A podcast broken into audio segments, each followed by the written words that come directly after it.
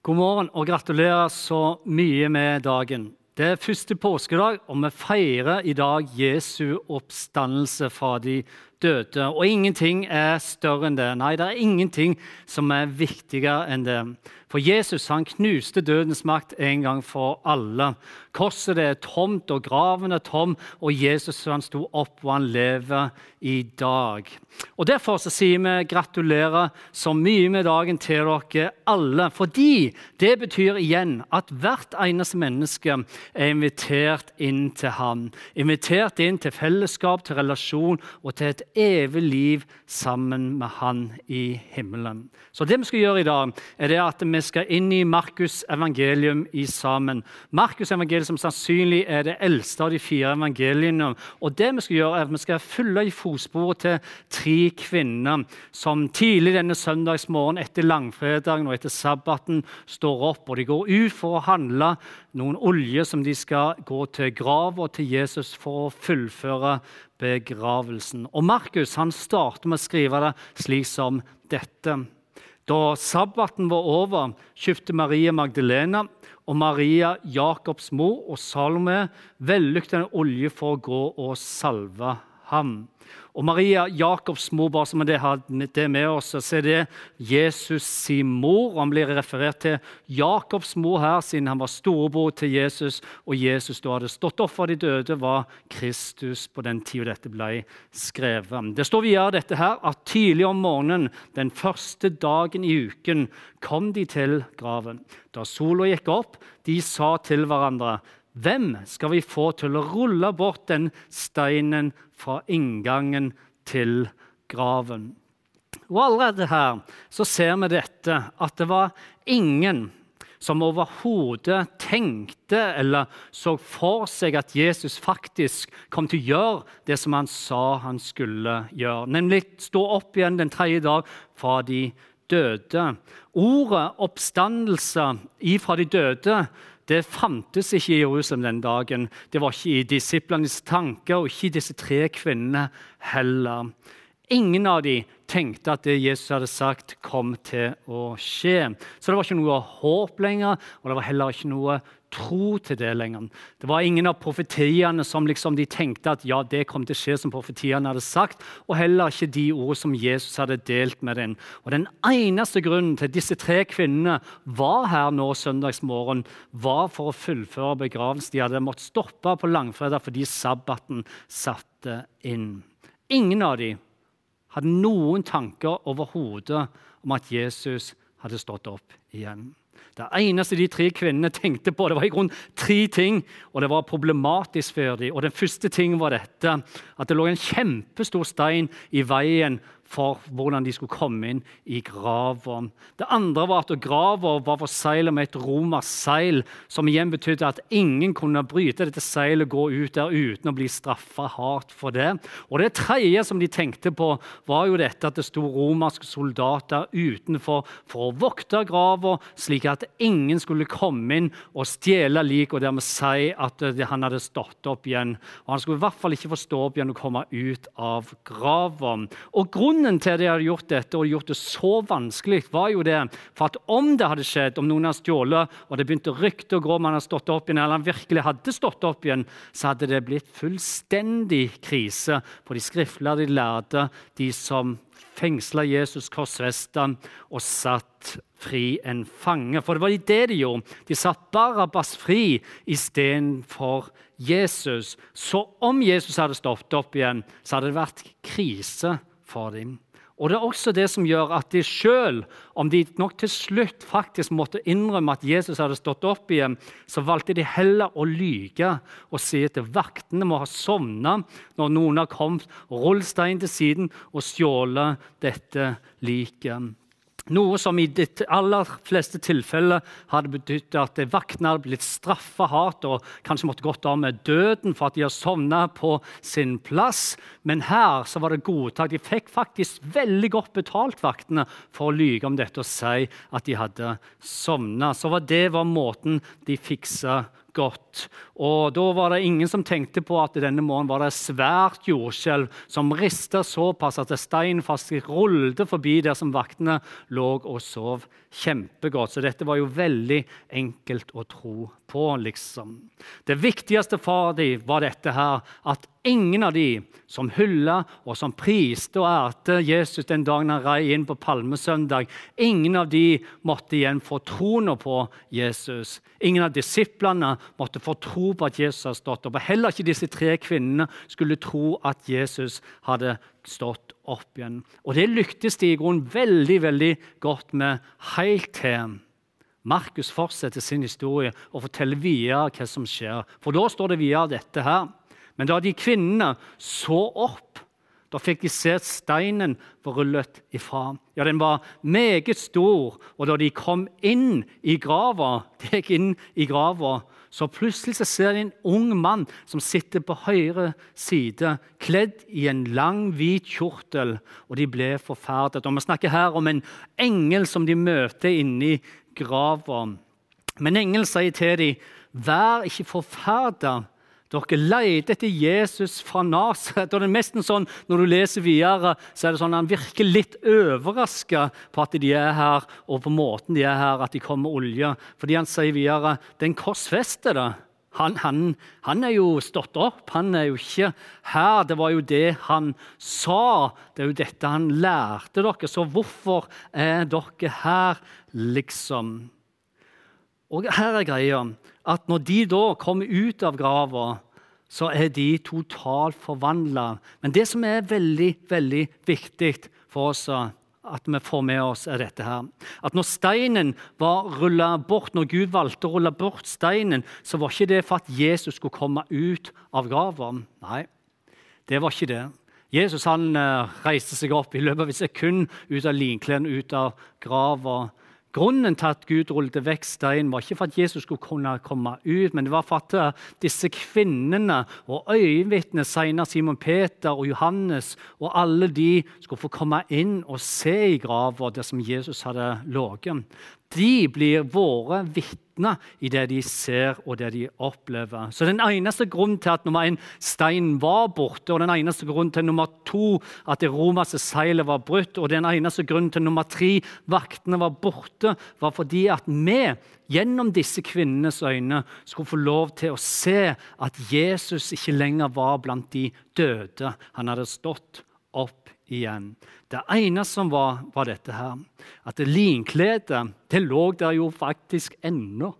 Linkledet var helt urørt. Det som de hadde lagt ifra seg Jesus på fredagskvelden før sabbaten satt inn. Det arbeidet de hadde begynt, og de hadde rullet på han, linkledet og smurt den inn med olje, det lå der akkurat sånn som det var. Det var nesten som en sommerfuglpuppe som lå der helt uberørt, men Jesus var forsvunnet. For det eneste som mangla, var jo faktisk Jesus. Han var ikke her lenger. Og Det virker jo nesten slik som engelen faktisk er litt overraska når de kommer. fordi hvorfor er dere her? Har dere liksom ikke fått det med dere? Han har stått opp. Har dere ikke hørt det? Han sa det jo til dere, gjorde han ikke det? Så hvorfor leter dere etter den levende blant de døde, som det står i Lukas evangelium? Og der og da, i det øyeblikket, så skjer det noe med disse tre kvinnene.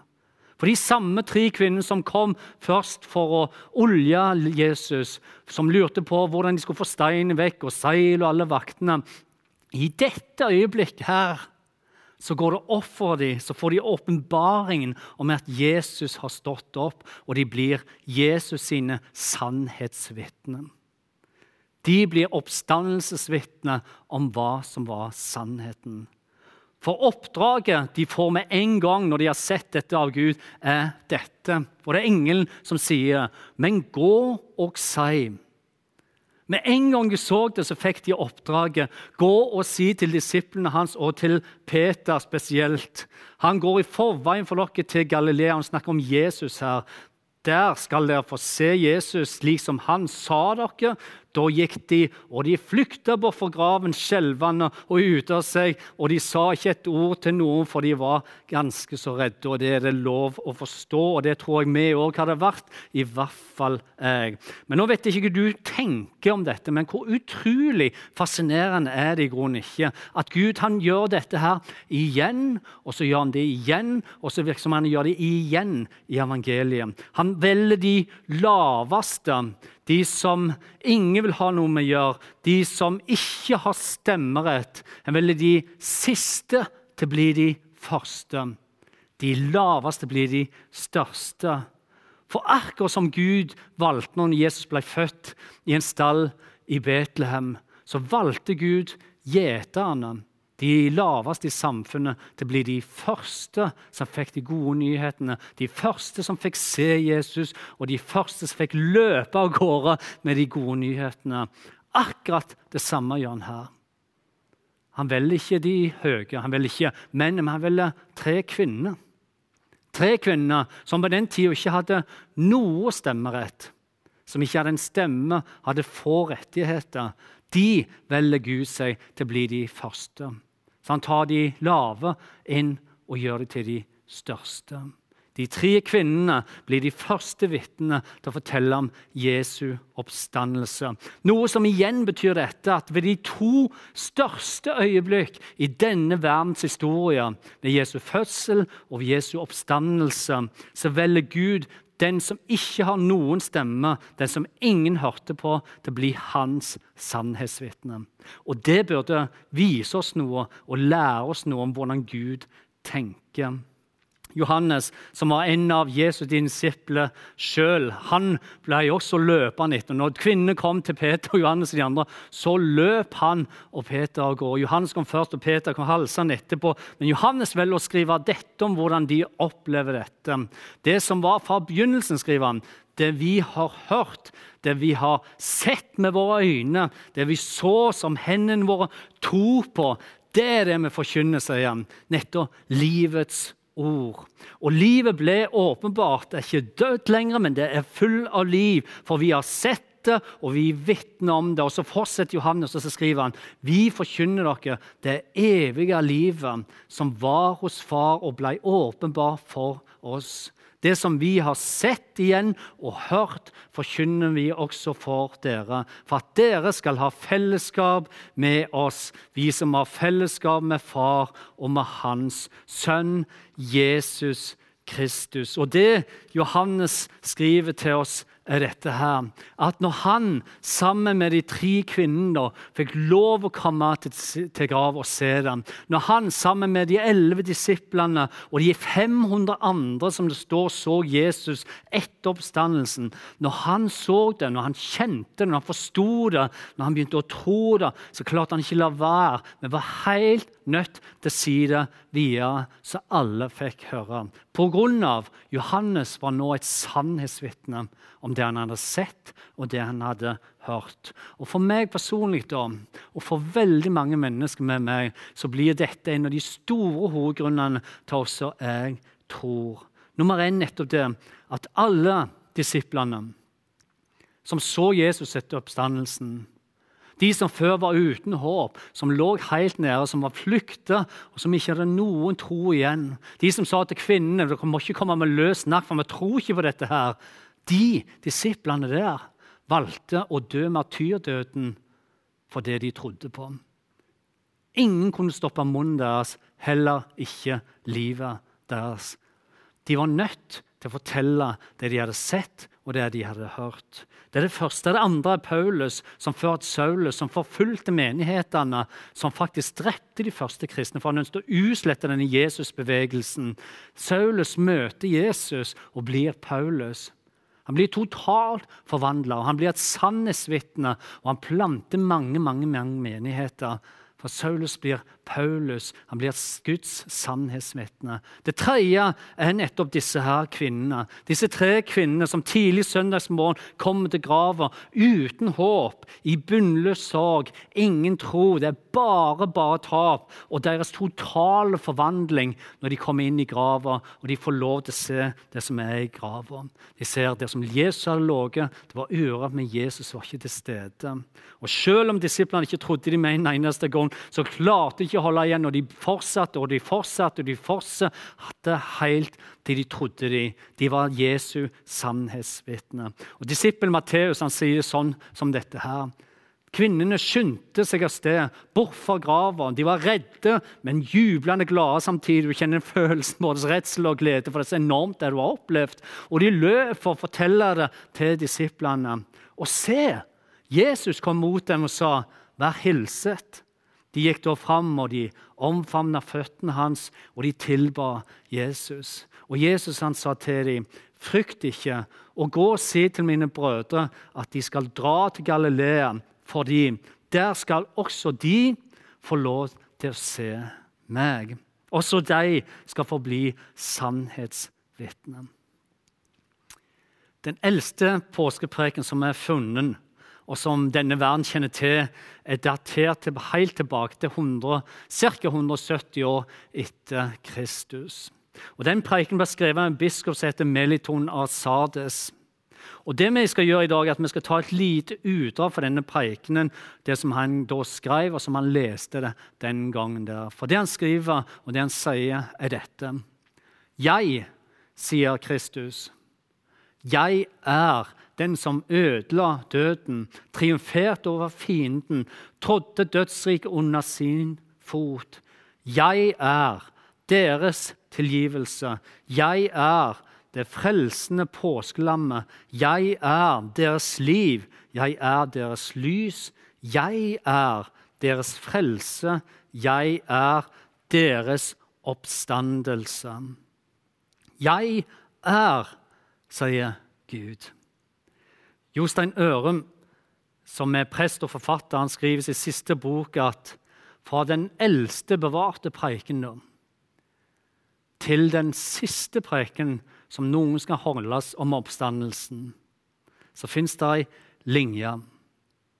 Eller vi kan si fra de første sannhetsvitnene, disse tre kvinnene som kom til grava, til det siste sannhetsvitnet her på jorda, som skal forkynne Guds ord før Jesus kommer igjen, så fins det ei linje. Og på denne linja, et eller annet sted, nok nærme slutten, befinner vi oss nå i dag. Hva er vårt sannhetsvitne nå i dag?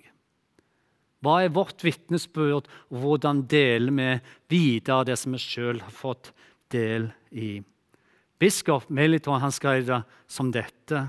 For Jesus er han som øyla døden. Han triumferte over fienden. Han trådte dødsriket under sin fot. Og det, dere, er den hendelsen som i all historie alt står og faller på for alle mennesker til enhver tid. Tror jeg på det eller ikke? Her For nesten to år siden så fikk vi som familie, fem stykk, lov til å reise til Jerusalem. Vi bodde i Jerusalem i fire dager. Det ble en utrolig flott tur der vi fikk lov til å besøke disse bibelske stedene der bibelhistorien bare ble, liksom, kom for øynene våre, vi fikk lov å ta på og se og høre liksom, Bibelen og evangeliene fletta inn i det vi så. Vi var med Klagemuren, vi var i Getsemanehagen, med Oljeberget. Vi gikk via Dolorosa, Lidelsesveien, og vi så på Hodeskalleklippen før vi landa etter god tid i Hagen, og det brukte vi mye tid. Gravhagen, som ligger da midt i Jerusalem. Og Utenfor disse murene så er det liksom bylarme. Med en gang du kommer inn i hagen, så er det helt stille.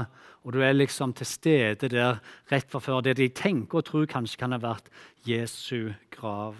Og det er mens vi sitter der rett foran alle disse andre mennesker som er der, at vi plutselig ser en gjeng til høyre der, ca. 30 italienere, sikkert fra en menighet som er der, og de deler nattvær sammen. Vi speider til venstre, og der står det en hel gjeng med eldre fra Brasil. De står og ber sammen, de legger hendene på hverandre, og de ber. Og Vi ser plutselig et ungt ektepar som står rett foran graven og inngang til graven, og de gråter sammen og de klemmer hverandre der, før vi plutselig hører et svært kor fra en menighet som hadde leid et kapell midt i hagen fra Korea, som synger lovprisning og ære Gud høyt midt i Jerusalem.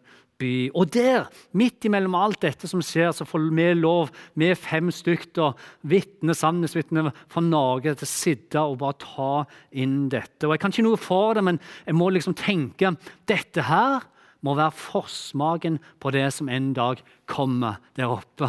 For det kommer til å bli fantastisk. Det kommer til å bli så stort og så utrolig mektig at det går ikke an å forstå det når Jesus i løpet av ett sekund, like kjapt som han sto opp fra grava, kom ut fra lenkledet og beveget seg ut fra den grava, i løpet av ett sekund så sier han jeg skal komme igjen på ett sekund og ta dere med. Det var det han lovte, og det er det han lover. Han lovte jo at han skulle stå opp fra de døde, og han lover at han skulle komme igjen. De løftene er like sterke og like sterkt til stede. Ja, Like kjapt lover han å hente oss alle troende og menigheten hjem til seg. Og da står det sånn om himmelen.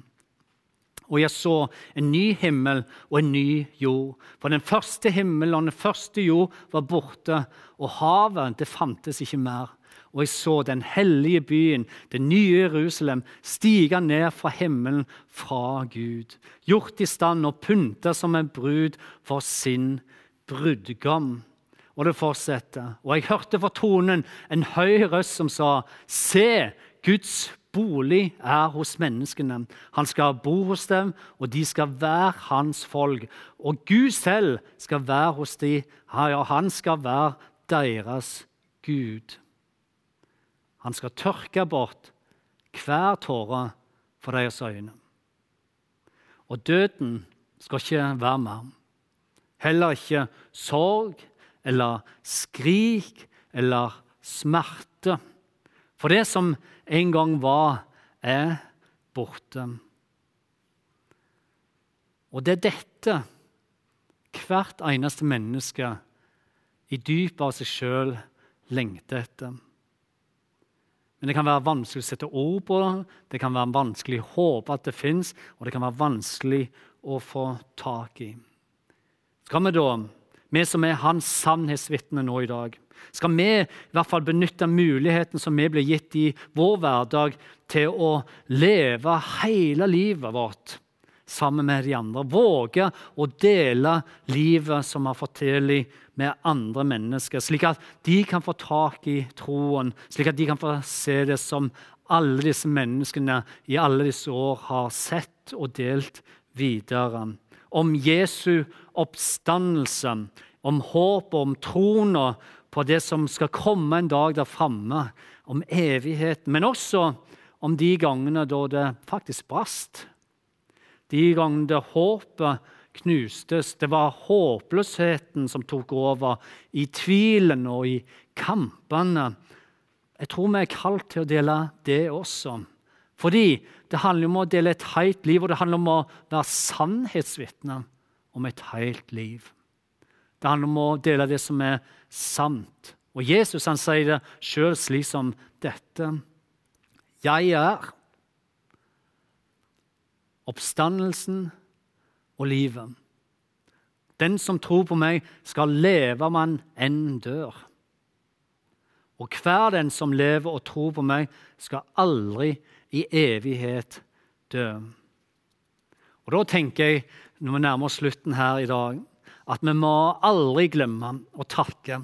Vi må aldri glemme å feire Jesus og Jesu oppstandelse. Fordi første påskedag er dagen da det umulige ble mulig. Da død ble til liv igjen, da det håpløse, det uten håp, ble til håp. Og da det knuste ble til tro. Ja, faktisk, Gud viste sitt sanne ansikt og hvem han er. Jeg er Var ingen død skulle holde på han, for han er Gud. Og Det er også det som vi gjør i dag. At vi en dag i dag i Jerusalem, på grava, i døra inn til grava, står dette He is not here, for he is risen. Han er ikke her. Nei, han er oppstanden. Og de samme ordene var disse ordene her, var det de tre kvinnene fikk høre. Han er ikke her, for han er stått opp igjen fra de døde, og han lever den dag i dag. Og akkurat som Jesus sa det til dem, at han kom til å stå opp igjen, så lover han oss i dag at han skal komme en dag igjen. Og han kommer snart igjen for å hente sine hjem til himmelen. Steinen den er rulla bort. Invitasjonen den er gitt. Gud åpner veien, men vi må velge å komme inn til Han. Og Da håper jeg at du helt, helt til slutt her tar et godt valg. At du tar imot den gaven som er gitt deg.